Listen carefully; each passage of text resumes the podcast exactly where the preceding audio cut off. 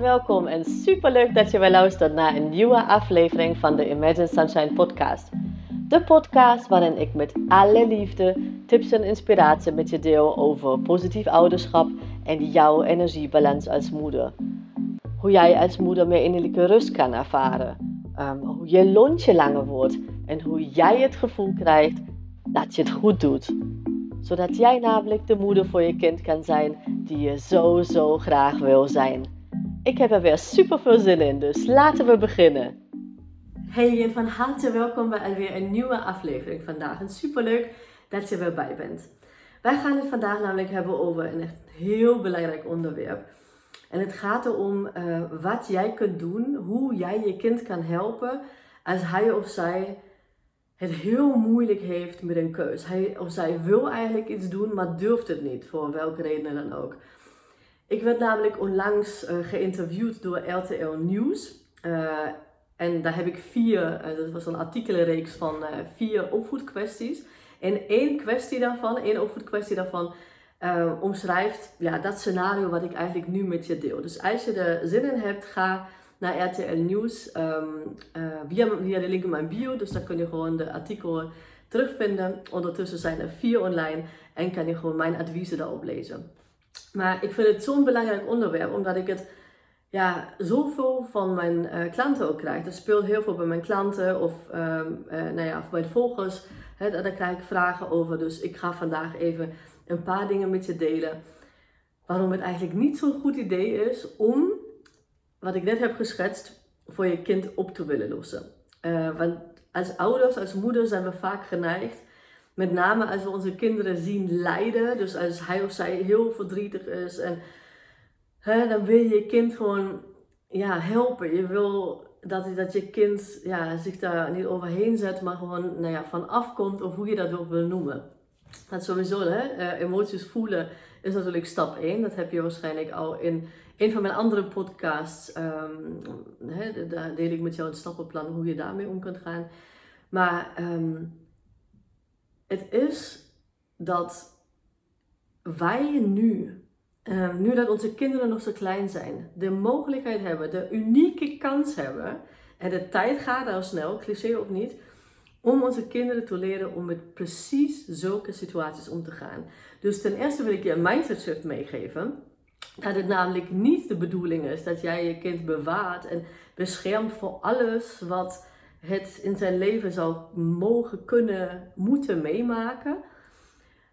Want het leven, ik zeg het al vaak, bestaat niet alleen maar uit glitter en confetti, maar dat je juist kijkt, oké, hoe kan ik mijn kind hiermee helpen? En Helpen betekent niet voor je kind oplossen. Want als jij het voor je kind blijft oplossen, dan heeft jouw kind op zijn 25ste, 30ste, 35ste, of later, is dan wel wat ik bedoel, heeft hij of zij die vaardigheid, deze superbelangrijke vaardigheid, nog niet geleerd.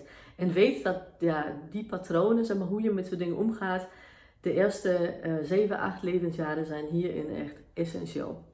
Dus als je zo'n kwestie hebt, um, nou ja, in uh, het artikel in, uh, op RTL Nieuws, waarvoor ik geïnterviewd werd, daar ging het om een, um, om een um, jongetje volgens mij, ja, een jongetje, die, dat was het, die had verkering met, uh, er waren elf volgens mij, tien of elf, had verkering met een, de queen bee, zeg maar, van de klas. Dus het populairste meisje van de klas. En hij wilde eigenlijk die verkering, hè, hij wilde het oud maken met haar. Maar hij durft het niet. Omdat hij dus echt ehm, ja, het gevoel had, of de gedachte had, dat was het eigenlijk, dat hij dan oud ligt in de klas. Want zij deed al niet zo heel uh, nou ja, aardig tegen hem. En nou ja, hij voelde zich gewoon niet meer lekker in deze verkering, relatie, hoe je het wil noemen. Dus, um, nou ja, en de moeder van, van dit zoontje dus, die, die was ja, eigenlijk ja, mee, aan het lijden met dit zoontje.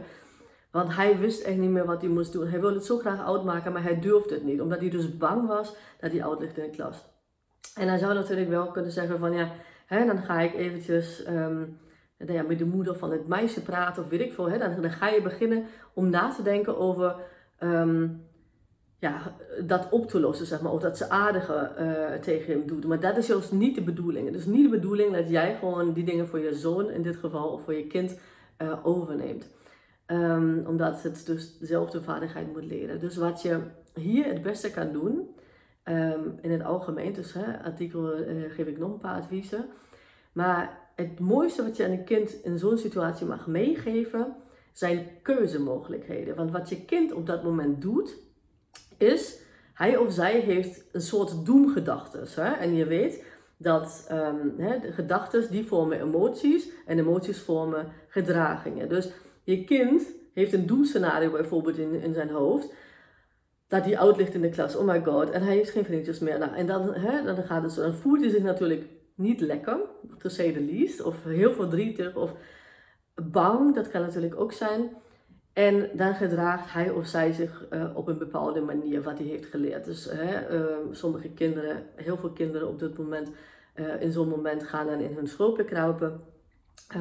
maar ook sommigen worden boos, dat maakt eigenlijk niet zo heel veel uit. De, het gevolg is een bepaalde gedraging. Um, kan met vluchten, zeg maar niet letterlijk, maar um, dat die dus, in dit geval was het dat, het dat het zoontje dat echt niet wil. Zou ook een vluchtreactie van het kind zijn. Um, om deze uitdaging eigenlijk niet aan te willen gaan, als je weet wat ik bedoel. Dus wat je hier kunt doen, is eigenlijk scenario's uh, op tafel leggen en dat met je kind bespreken. Zonder dat je je kind in een bepaalde richting wil sturen, maar dat je gewoon ja, eigenlijk je aan je kind laat zien ten eerste dat de doemscenario wat zich weer en weer weer afspeelt in het, kind van, uh, in het hoofd van je kind, dat dat niet het enige is wat kan gebeuren. Uh, maar dat er verschillende dingen zijn. Dus um, leg gewoon, he, brainstorm eigenlijk met je kind over um, keuzemogelijkheden die hij of zij heeft. Met wat er inderdaad gebeuren, wat, wat is hier, uh, is dat echt zo? Dat achtervraag dingen ook. Want besef dat je kind gewoon echt zo in zijn tunnelvisie zit. Dat het niks anders ziet. Want het is heel donker in, in, uh, op dat vlakje.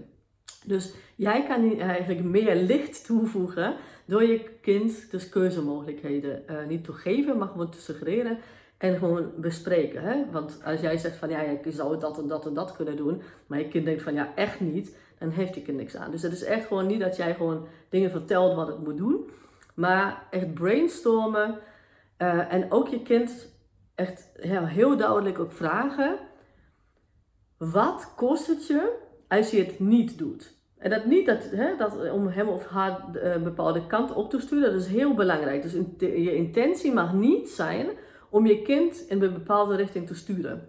Maar meer dat je je kind laat beseffen hè, welke scenario's hij in wil gaan of zij in wil gaan in dit moment, op dat moment. Um, dus wat je gaat doen bijvoorbeeld is je vraagt, um, wat gebeurt of wat kost het je, kost dus een beetje negatief behaf, maar je weet wat ik bedoel Um, wat gebeurt of wat, wat denk je wat er gebeurt als je het niet doet? Waar sta je dan over twee jaar? Dan zijn jullie nog samen misschien.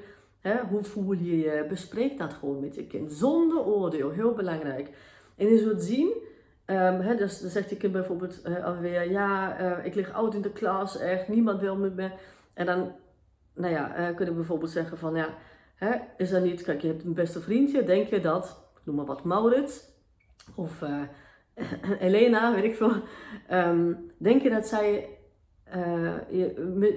daardoor niet meer met jou gaan spelen? Zullen zijn nog beste vriendjes. Uh, en dan denkt je kind bijvoorbeeld, nou, oh ja, oh ja, nee, die heb ik dan wel. En dan is het dan minder erg, snap je? Dus het gaat niet om dat je die emotie uh, weghaalt, zeg maar, dat je kind die emotie niet mag voelen, maar dat het juist gewoon beseft dat er altijd keuzemogelijkheden zijn. Um, en het is niet aan jou, heel duidelijk nog een keer, het is niet aan jou om een keuze voor je kind te maken, maar help je kind zijn eigen keuze te maken, oké? Ehm, het gaat erom dat, je, want je bent je kind niet, je kind is jij niet. En jij voelt heel veel mee met je kind. En dat is, dat, ja, dat is heel natuurlijk. Um, maar leg jouw mening, jouw keuze niet op. En ook denk je, oh my god, oh, heeft hij hiervoor gekozen? Nou, je weet al dat het, dat het misgaat, zeg maar, dat kan. Probeer je kind daar niet over te praten. Het is zijn keuze. Jij vangt je kind op als het misgaat, zeg maar, als het met zijn emoties niet om kan gaan. Nou, dat eh, weten mijn klanten natuurlijk heel goed hoe je daarmee om kan gaan. Uh, hangt van de persoonlijkheidstype van je kind af natuurlijk. Um, en jij leidt je kind eigenlijk naar het besef dat er altijd keuzemogelijkheden zijn. En als je vandaag dat kiest, dan ja, hangen er consequenties aan soms.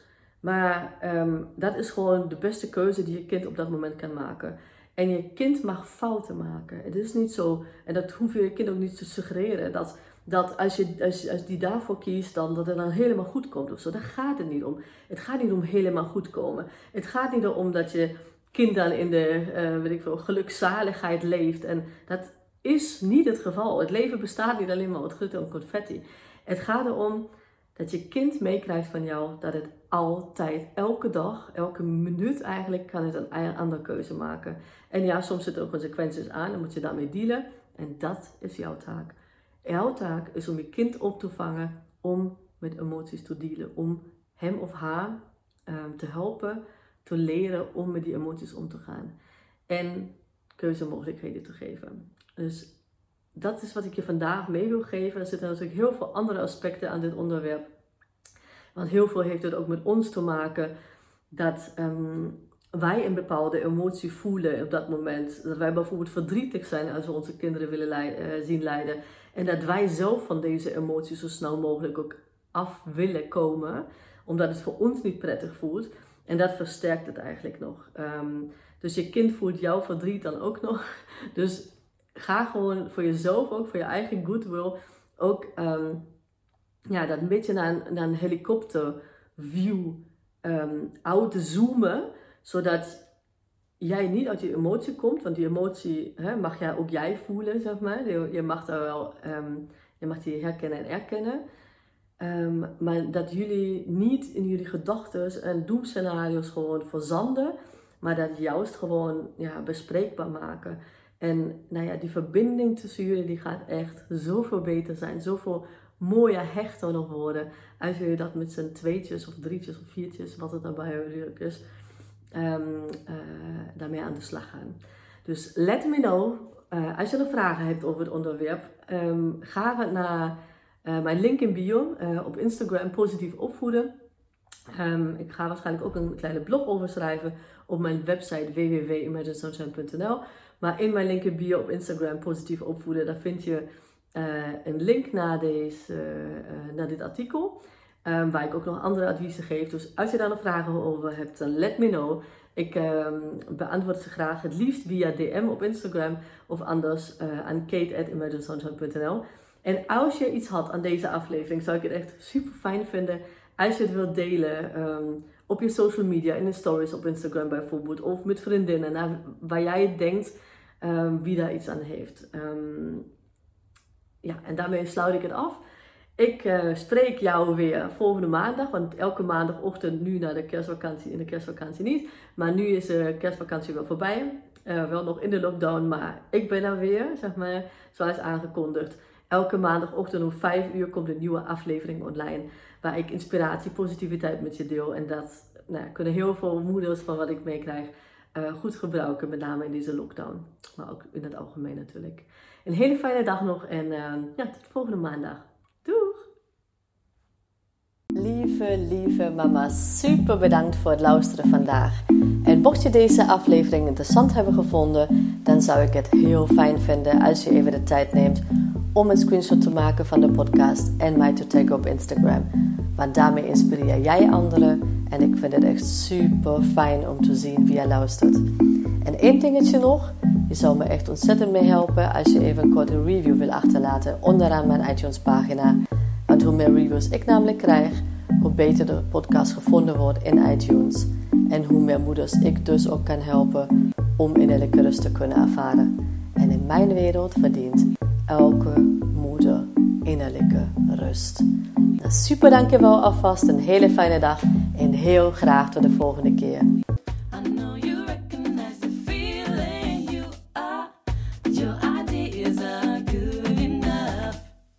I know you know